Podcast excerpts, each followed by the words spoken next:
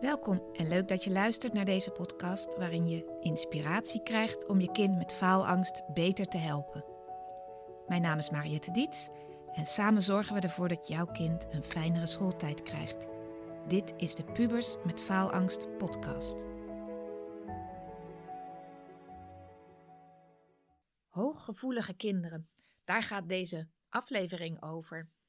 En uh, misschien herken je het van toen jouw kind jong was en uit school kwam en dan altijd ja, onuitstaanbaar gedrag toonde. Heel boos, snel geïrriteerd, um, snel huilen. Terwijl de juf of meester op school zijn. Nou, het is zo'n lief kind, zo zou ik er wel dertig van in de klas willen hebben. Dat je dacht, hoe kan dat? Op school zo'n ander kind dan thuis. Nou, dit zijn vaak de kinderen die te veel prikkels binnenkrijgen. En dat kunnen zijn fysieke prikkels, uh, mensen die te dichtbij zijn, kleding die niet lekker zit of die kriebelt, of emotionele prikkels. Ze voelen, ze hebben een soort hele lange voelsprieten en ze voelen als er ergens onrust is. Ze hebben er last van als de juf of meester boos op een ander kind is. Ze voelen als, uh, als de juf of meester uh, thuis ergens last van heeft, want dat, ze voelen gewoon alles en dat komt binnen. Heel intens. En dan gaan ze het ook nog eens heel intens verwerken. Dus ze zijn er heel erg mee bezig. Het heeft echt fysieke effecten. Ze kunnen er buikpijn van krijgen, keelpijn, hoofdpijn. Uh, dat, dat zijn echte klachten. Dus die spanningsklachten gaan echt in hun lijf zitten. En dan komt hun reactie is dan ook nog eens veel intenser dan bij minder gevoelige kinderen. Dus dat zijn die emotionele buien. En nou zijn er zeg maar twee types ouders. De ouders die dit bij zichzelf herkennen en de ouders die dit helemaal niet herkennen. Nou, laten we het eerst eens de ouders die dit bij zichzelf herkennen. Stel dat jij dit ook herkent van vroeger. Want vroeger waren dit soort labeltjes er nog niet zo. Er werd niet zo over gepraat. Maar vaak hebben we door schade en schande wel al geleerd om daarmee om te gaan. Ik heb het idee dat ik het ook heb of ben, of hoe je dat noemt. Maar dat ik daar wel een modus in heb gevonden. Want ik heb een enorme muur om me heen weten te bouwen. Ik voel heel veel, maar kan het ook uitzetten. En hoe ik dat geleerd heb, weet ik niet. Maar nu herken ik bij mijn eigen puber dat daar ook een soort van grenzeloosheid in zit. Van ik moet alles doen voor die toetsen. Ik moet goede cijfers halen. Ik moet heel hard werken.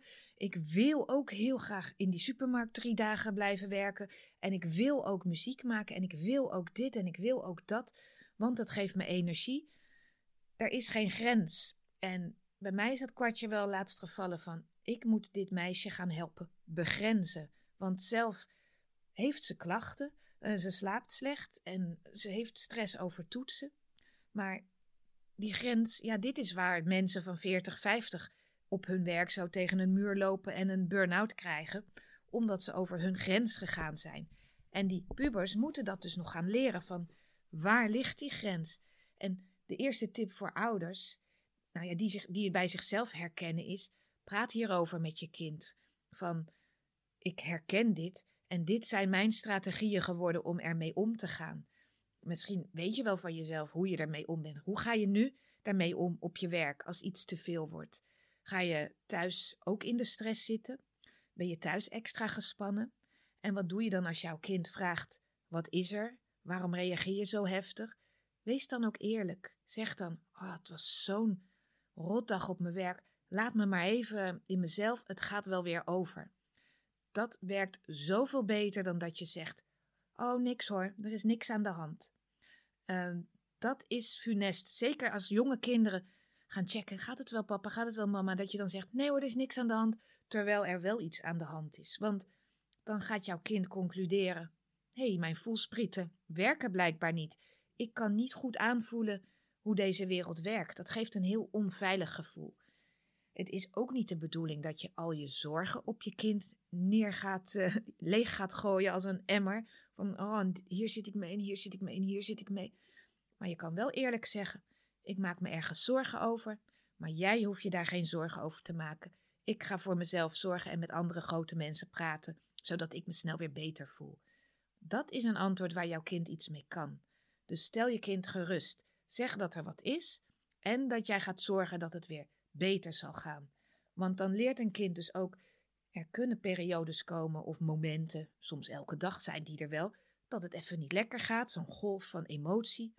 Maar daarna gaat het weer over en je hebt daar zelf controle over. Je kan dingen doen om je weer beter te voelen. Dus van jongs af aan is dat fijn om met kinderen te doen. En dit kan je ook gewoon aan je puber uitleggen. Stel je zit in een scheidingssituatie.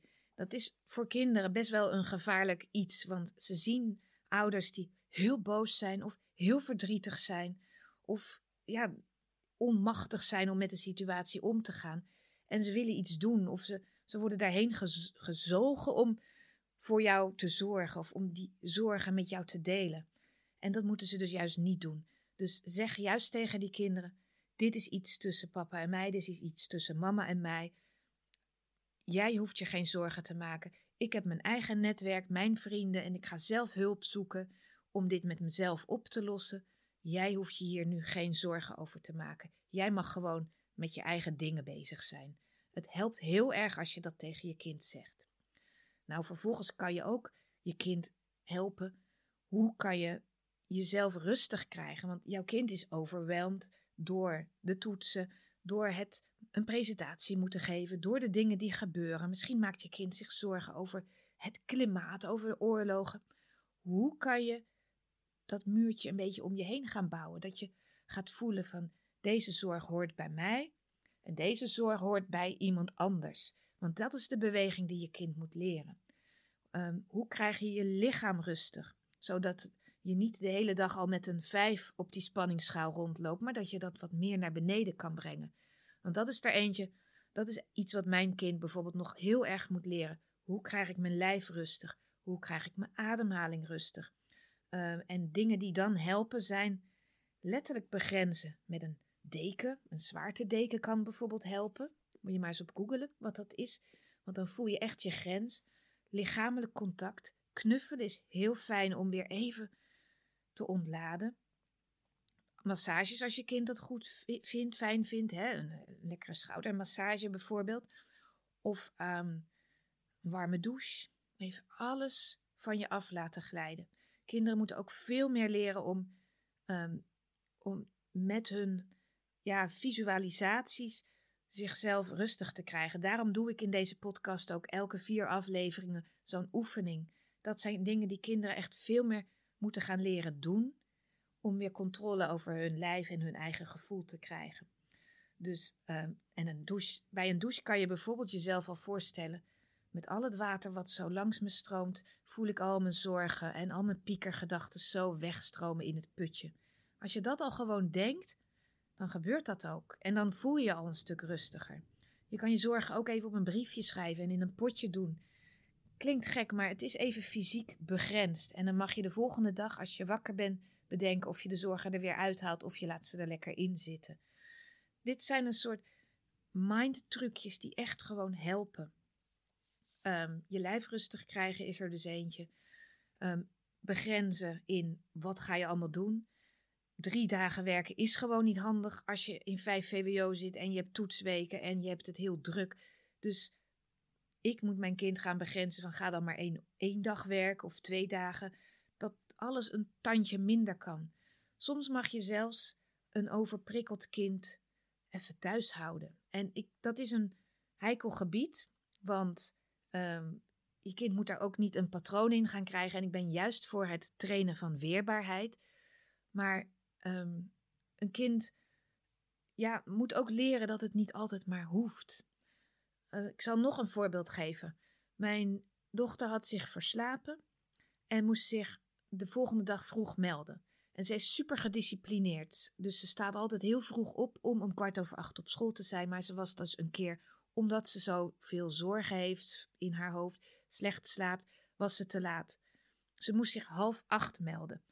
Dus de volgende dag ze had ook al gewerkt en half twaalf naar bed. Moest ze dus nog eerder opstaan om zich zo vroeg te melden. En heeft ze gedaan. En bij dat melden is, heeft ze ook gezegd: waarom moet dit? Waarom laten jullie kinderen die al zo moe zijn nog eerder komen? En gelukkig heeft ze dat daar geuit. En bij de juiste persoon die daar ook over ging. En verder zal ik er niet over vertellen, maar uh, school zei toen ook duidelijk: deze regel is niet voor jou, voor meisjes zoals jij. Um, als zoiets gebeurt, trek dan bij ons aan de bel. En vertel wat er aan de hand is, want dan kunnen we voor jou zorgen en dan kunnen we jou helpen zodat je je beter voelt. Dus dat plichtsgetrouwen van, en dan moet ik me ook nog eerder melden en ik had al zo weinig geslapen en dat is dus ook voel je grens aan en durf dan te zeggen, dit pik ik niet. En ehm, dit had ik misschien als moeder ook meer moeten doen. Ik had vooraf tegen haar gezegd, joh, ga even praten, want ik, dat, je gaat je toch niet extra vroeg melden. En vertel gewoon even aan de balie wat er aan de hand is. Dat durfde ze niet. Dus volgende keer moet ik daar nog meer op gaan zitten van, joh, ik ga daar iets meer in bescherming nemen, want zij moet leren zichzelf te begrenzen. Ehm, dus over dat thuishouden. Ik ben er niet voor om altijd maar je kind bij toetsen thuis te houden. Maar als jij ziet dat het te vol is en je bent zelf ook best wel perfectionistisch van je moet je aan de regels houden, want dat moet, want dat moet, want dat moet, dan is dat te veel druk voor een kind. Dus leer je kind om af en toe even stiekem stout te doen. Om gewoon te zeggen, ja, dat doen we gewoon niet. Ehm, blijf jij maar lekker thuis. Kan jij leren voor morgen. En hoe die toets ingehaald wordt, dat zien we dan wel weer. Af en toe is het goed om dat ook eens met je kind te doen. Niet structureel, maar wel af en toe. En blijf dan in je achterhoofd houden: hoe krijg ik mijn kind weerbaarder voor dit soort dingen?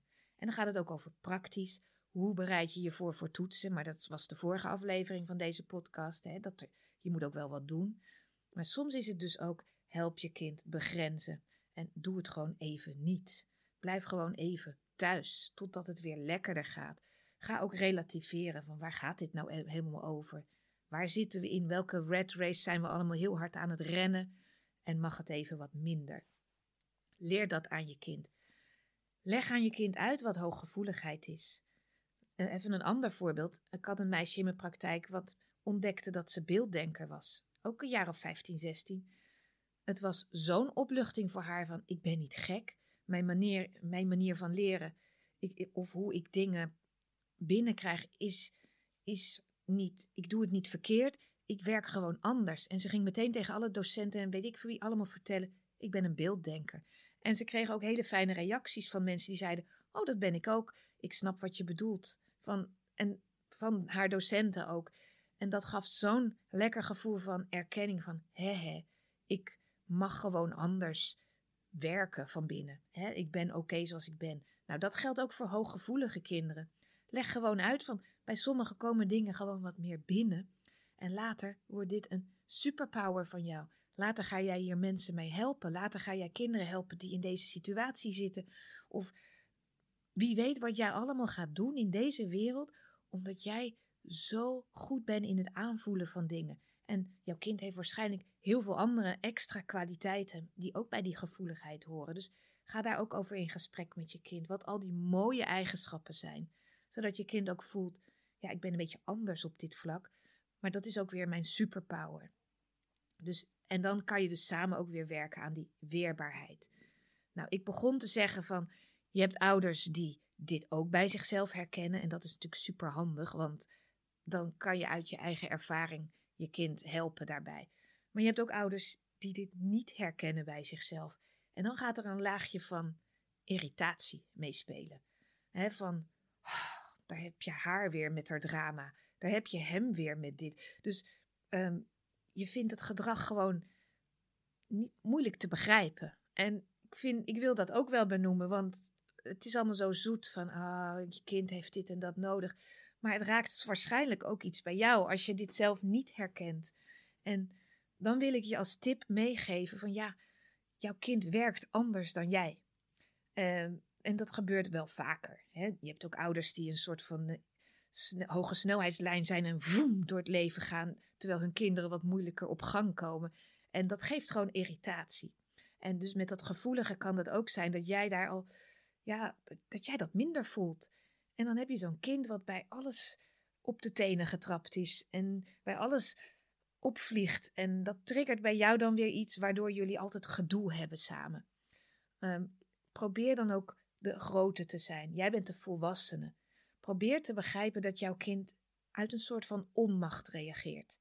En natuurlijk zie je ook wel die drama queen. Of hè, je ziet dat gedrag um, wat iets triggert bij jou. Maar daar, daaronder zit iets van onzekerheid. Er zit angst en daar zit onmacht om te dealen met, met grenzen, om onmacht.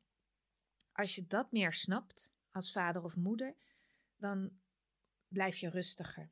En als jij rustiger blijft, dan leert jouw kind veel meer van ik ben oké. En dan kan je meer bij de feiten blijven van oké, wat maakt nou dat je nu zo heftig reageert?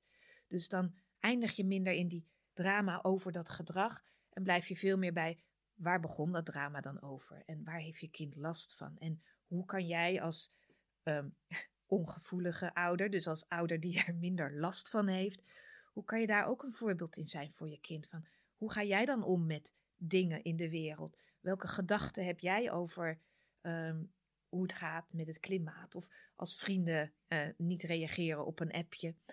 Of uh, als je niet bent uitgenodigd ergens? Of als je baas een rotopmerking heeft gemaakt? Hè? Praat daar gewoon over met je kind. Van hoe geef je kind tools hoe jouw gedachten zijn? Want dan open je ook weer nieuwe, ja, nieuwe luikjes bij je in het brein van je kind. Van, oh ja, zo kan ik er natuurlijk ook over denken. Dus verander dan je irritatie in een soort van inspiratie door te vertellen hoe jij met dingen omgaat. Nou, tot zover deze aflevering. En misschien wist jij al jaren dat je een hooggevoelig kind hebt, of misschien is er nu een kwartje gaan vallen en kan je er eens wat meer over gaan googelen. Van wat is dan hoogsensitiviteit? HSP heet het ook wel, of hooggevoeligheid. En je hoeft er niet mee naar een psycholoog of wat, hoe dan ook om een, daarvoor een diagnose te halen. Maar het helpt je al gewoon om je kind door die bril te bekijken. Want dan weet je, oké, mijn kind heeft het dus nodig om grenzen te leren voelen en ook om gewoon nee te durven zeggen. En jij kunt daar als ouder een hele goede begeleider in zijn. Dank je wel weer en tot de volgende keer. Bedankt weer voor het luisteren naar de Pubers met Faalangst podcast. Wil je met mij sparren over jullie situatie? Kun je altijd een gratis kennismakingsgesprek inplannen via www.dietscoaching.nl. Vind je deze podcast interessant? Abonneer je dan en geef hem een goede review. Dat helpt mij enorm om nog meer ouders te bereiken.